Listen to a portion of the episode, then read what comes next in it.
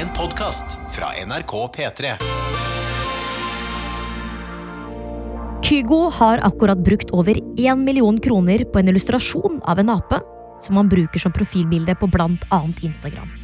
Altså, én million kroner for en illustrasjon av en ape?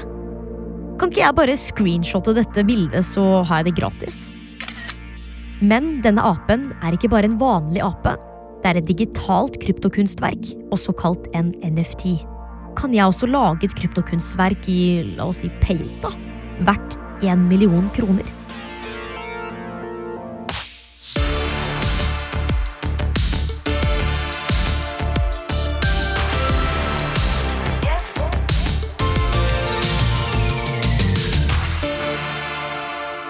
Jeg heter etter mandagen i Håtri, og velkommen til podkasten Pålogget, som vestlendingene ville sagt. Nei, ok, pålogga. Jeg føler jo at jeg nettopp har lært meg at kryptovaluta var en greie som folk tjente store summer cash på, og nå er det også folk som tjener helt sjuke summer på digitale kunstverk av eh, basically hva som helst. Altså, hvorfor vil noen kjøpe et bilde som du egentlig bare kunne screenshotta? Altså, jeg syns jo dette med kryptovaluta og kryptokunst høres ganske komplisert og vanskelig ut. Altså, er det liksom sånn at jeg må være en proff datahacker, da? En skikkelig kryptobro for å lage meg en sånn NFT? Og helt ærlig, hva er egentlig en NFT?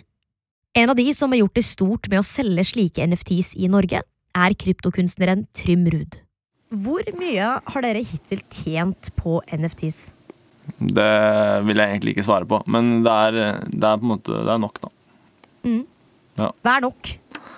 Jeg kan si, jeg har ikke, Dette er ikke det jeg har tjent, men jeg kan si hva Rude Boys på en måte har solgt for som merkevare liksom eh, på OpenSea. da. Det er over 800 Ethereum, og det er eh, Jeg vet ikke hva det er, Ethereum, men det er kanskje rundt en, mellom 20 og 30 millioner. da.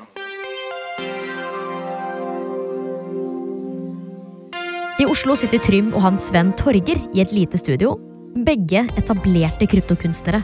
Kryptokunst for meg er kun at jeg selger det på, på ved hjelp av en blokkjein-teknologi med krypto, at man kjøper det med krypto. Trym ble introdusert for det å designe 3D-kunst gjennom et fag på skolen han gikk på, da han tok en bachelor i grafisk design. På våren 2020, omtrent et år før NFTs eksploderte i popularitet og havnet på alles lepper, bet han seg merke i denne nye potensielle inntektskilden. Jeg så en fyr som eh, lagde sånne digitale kaniner som han tegnet. eh, og de ble superpopulære. Og jeg, liksom, jeg syns ikke de var sånn råtøffe, så jeg skjønte liksom ikke helt hva greia, greia var, hvorfor de ble så populære. da. Men de var veldig sånn, man kunne samle på de. Så tenkte jeg ok, men hvis jeg kan lage noe man kan samle på, og noe som ser kulere ut enn det her, da må jo det være en, eh, en suksessoppskrift. Og denne figurserien Trym begynte å jobbe med, er noe han kaller Rude Boys. Desember begynte jeg å, å lage NFT-er. Um, og det var 9. januar at jeg slapp den første Rudeboy-figuren min. da. Men det går litt trått i starten. Det tar ikke fyr med en gang. Jeg sjekket jo greiene hele tiden sånn i starten. Det var, sånn, det var veldig veldig spennende hvis man hadde fått et salg. liksom. Og jeg hadde fått sånn ett eller to salg som var superkult, liksom. Da, da hadde jeg tjent 200 kroner på de figurene som jeg var dritstoka på. Så Trym setter seg et helt konkret mål for hva han vil få til. Den femte dagen jeg lagde det, da satte jeg meg et mål. Det var sånn, å tjene mm, 100 000 kroner til bacheloren min. eh, For å ja, skryte til læreren på Westerdals, for jeg tenkte det er en kul vinn-vinn-situasjon. Og noen må ha lyttet til hva Trym sa. For den neste morgenen, etter at han hadde satt seg dette hårete målet, skjer det noe. Så våknet jeg veldig tidlig, um, og så sjekket jeg telefonen min. Og så så jeg liksom at jeg finner ikke tingene mine, de er liksom ikke på butikken. Og jeg sånn, ah, det er kjipt, liksom. Jeg må se på det etterpå når jeg må sove litt mer. Og så var jeg sånn Etter en halvtime eller noe Nei, vent litt. Så måtte jeg bare sjekke en gang til. Og så tok jeg opp telefonen, og så hvem er det som faktisk eier disse figurene som jeg hadde laget? Og så så jeg at det var noen som, som eide de. Jeg husker at jeg bare Jeg bare what? Løp til PC-en, liksom. eh, sjekket bare Hæ, jeg har solgt alle greiene mine. Jeg var superstalka. Ringte mamma og bare Ja, tjent 5000 kroner på å selge kunst, liksom. Og siden den gang har det bare gått én vei for Trym og Rude Boysa hans. De små 3D-figurene han lager, har blitt ganske ettertraktede, og digitale kunstaksjoner finner sted hele tiden. Men igjen, Dette synes jeg virker veldig merkelig. Altså, når man kjøper et ekte kunstverk, eller en ekte liten figur, får man jo noe fysisk. Det er noe man kan ta på, holde i, vise frem, legge på hylla. NFTs er jo bare digitale. Så hva er egentlig greia her? Kan ikke dere hjelpe meg med å forstå dette litt mer, Torger og Trym? Eh, NFT det, liksom, det står for non-fungible token, og det betyr da noe som er eh, unikt. Så for eksempel eh, hvis vi skal sette det over til liksom, hverdagslige ting da, som ikke er digitale, så er eksempel Pokémon-kort da, det er på en måte unike ting. Så Torger har et Pokémon-kort, og jeg har et Pokémon-kort, og de er liksom ikke de samme. da, De er unike, så hvis jeg bytter det med han, uh, og får hans Pokémon-kort, så har vi liksom to forskjellige verdier. da, Mens noe som er fungible, det er eksempel penger. da, Så to ti, ti kroner er det samme som en 20-kroning. Så hvis jeg låner en 20-kroning fra Torger, så blir han like fornøyd om han får tilbake to tikroninger. Eh, men ja, så NFT er på en måte noe som er unikt, da. Det er jo eh, et litt abstrakt tema. Når jeg husker når Trym først begynte å forklare til meg for et år siden cirka, så jeg, skjønte jeg ikke en dritt, jeg heller, liksom. Eh, Men det er på en måte digitale assets, da, som har en verdi, og det er bare mye bedre på å bokføre og holde kontroll på kunstsalg og digitale assets, som eksempel hvis du skal drive med re resalg av fysisk kunst og sånn den dag i dag, så er det veldig vanskelig, med mindre du sitter på verk fra Munch eller Jeff Koons, kanskje. Eller Trymrud. Eller, eller Trymrud, men hvis du, har hvis du har digitale assets, så er det en helt ny måte på å selge kunst på tvers av hele verden, da. Og kjøre track record på hvor den har vært, hva den har solgt for hele tiden, på en måte. Så hvis du kjøper et kjempekult kunstverk, så vil du vise det fram. Og i en vanlig husholdning har du kanskje 50-100 personer i huset ditt i løpet av et år. Mens på nettet så kan hvem som helst se det hele tiden. Eh, og du kan selge det til hvem som helst hele tiden hvis du har lyst til det. Så det er en helt ny måte å ja, behandle kunst på, basically. Men det jeg fortsatt ikke forstår, er hvorfor folk gidder å kjøpe digitalt kunstverk som noen egentlig bare kunne screenshotta. For eksempel da denne apen til Kygo, som han har som profilbilde nå. Det er en NFT ja, som heter Board Ape Yacht Club, som er liksom kanskje det hotteste NFT-ene sånn i vinden nå, med tanke på Men de går jo for mange, mange millioner liksom per stykke. Um, så det er liksom det er, det er litt hva du velger å se på en måte verdi i også. Her fins det liksom ja, 10 000 av disse som er generert av på en måte en PC. Um, men folk liker det, da. Det er den nye flexen. altså NFT-er har på en måte tatt over Rollin og Bentley Bottegaen og alle disse bilene, alle disse Yeezysene 5000, og jeg har ikke peiling, jeg, men Gucci-skjerf og alt det der. er liksom, NFT-er er den nye flexen, liksom, og mennesker har dessverre nok et behov for å flekse. Eh, jeg tror Gary Vee sa det der best, at det bare er en ny megaflex. eh, og en ny digital flex. Altså, Istedenfor å kjøre en Ferrari, da, som det er et par mennesker som ser deg når du kjører Ferrarien din, og det er kult nok, det, men hvis du har, har en, en kul NFT, da, så ser hele verden den når du bruker den på Twitter. Jeg vil også bli multimillionær da, av å lage noe i paint. Hvordan, hvordan gjør jeg det? Liksom, kan dere hjelpe meg med det? Hvordan starter jeg hvis jeg har lyst til å la, få meg en NFT-karriere? Hvordan, hvordan er det man starter? Um, så sånn helt basic hvordan du bare lager en NFT, det er veldig greit. Da må du ha en, eh, en wallet, og denne lommeboken, der eh, lager du jeg på sin bruker. Du kjøper litt Ethereum med bankkortet ditt. Ethereum er altså en kryptovaluta, akkurat som bitcoin. Og denne valutaen brukes i kjøp og salg av kryptokunst. Og den Ethereumen da bruker du for da å minte kunstverket ditt. Og det gjør du hvis du går på f.eks. Rarible eller OpenSea. Der eh, trykker du 'create', og så laster du opp et bilde, skriver en tekst om dette bildet. Bildet kan også være en video eller en 3D-fil, va- varierer. Skriver du en tekst, hva som skjer hvis du har denne tingen, og eventuelt um, hva den skal koste, og så trykker du at du legger den opp for salg. Det koster da bitte litt Ethereum å legge den tingen opp for salg. Men når det er gjort, da har du egentlig laget din første NFT. Så, så det er ikke vanskelig. Og så er det jo en konseptfase. Du må på en måte finne ut hva er det du skal selge. Hva, hva slags budskap skal din kunst eller ditt ha. da. Og det trenger ikke være så veldig komplisert heller, men akkurat nå så finnes det millioner på millioner av NFTs. Så det er kanskje ikke nok lenger å male en kul hare eller lage en kul rev, men også ha et bra konsept i bunnen. da. Hva, hvordan er det dine NFT-er er- skiller seg ut fra resten, liksom.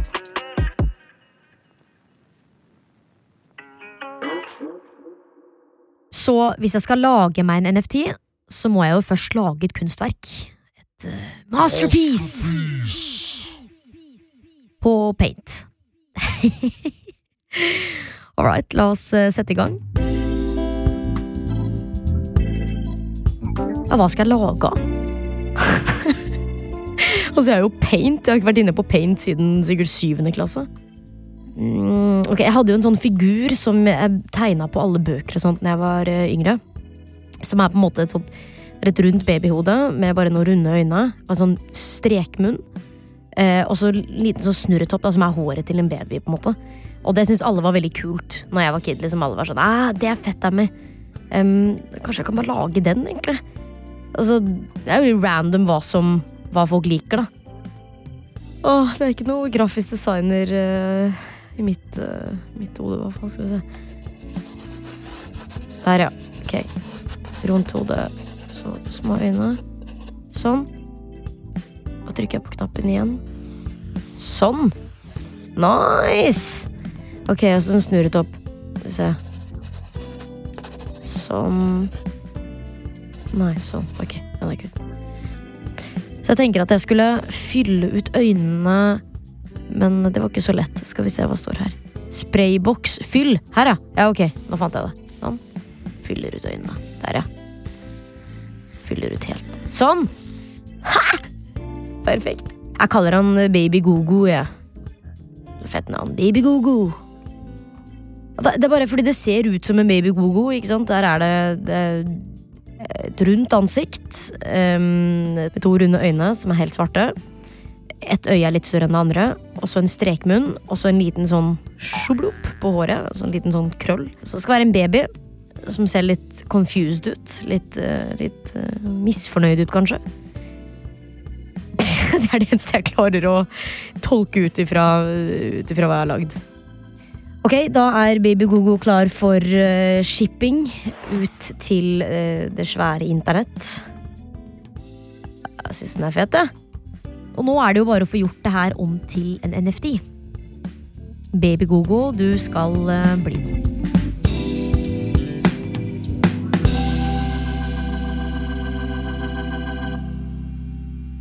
Men selv om NFTs absolutt er en nytenkende og annerledes måte å tjene penger på, er det ikke alle som er like begeistret over denne økende kryptotrenden. Lise, som vi velger å kalle henne, er en såkalt kryptokritiker. Målet med kryptovaluta er jo at folk skal kjøpe mer kryptovaluta, sånn at verdien på eksisterende kryptovaluta går opp. Og det er insentivet som ligger bak alt. alt, alt.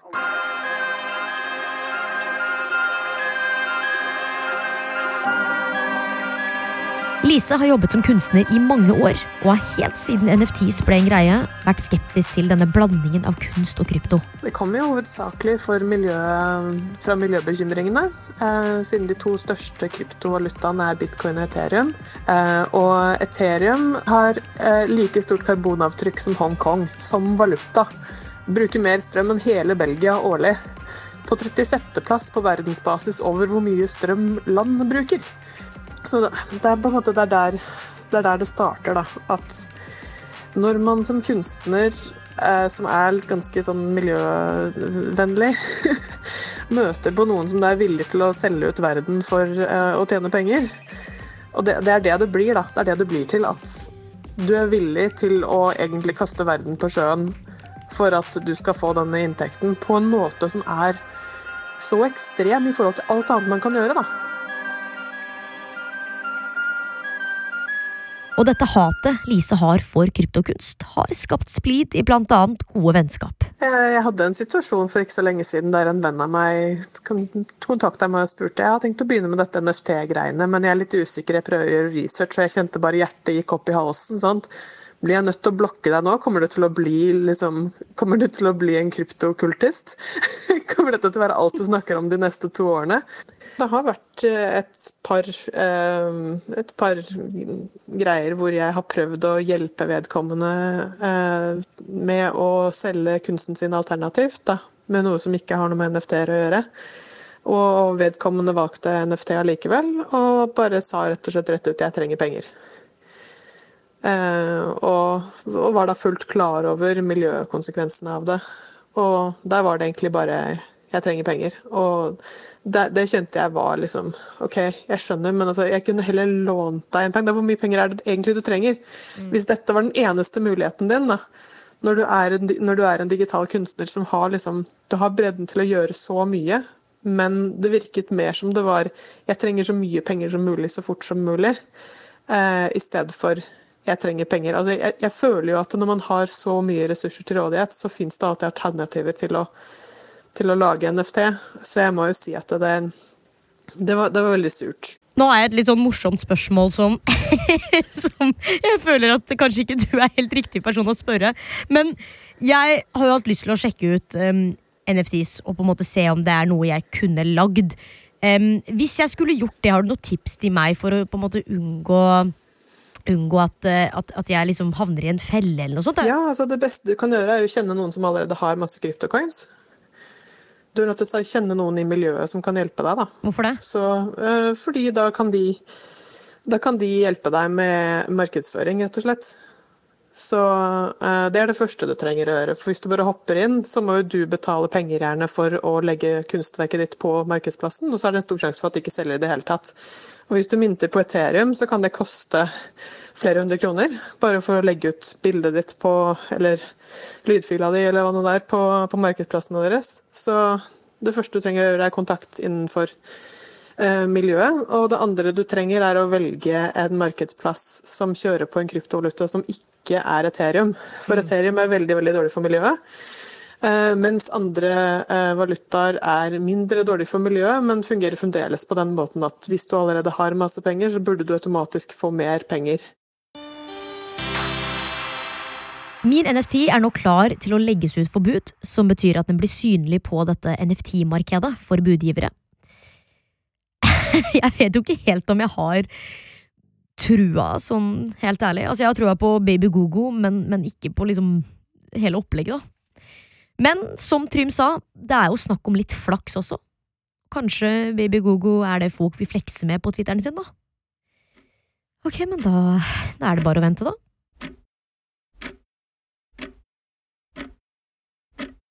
Ja, ok, det skal få slippe å vente, det er jo tross alt en podkast, så vi bare fast forwarder bitte litt.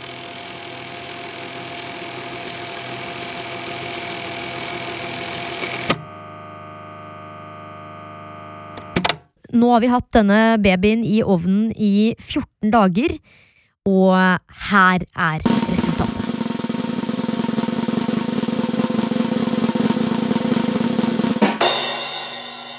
Uh, nei, dette gikk jo like bra som min første Tinder-date, da. Ambisiøst, men uh, null resultat. Ingen ville altså kjøpe kunsten min, aka Baby Gogo jeg må jo si at jeg er ikke akkurat uh, eh, overraska. Men jeg tenkte jo at det kunne vært NFT-materiale, da. Så kanskje er ikke kryptokunst noe for meg, da.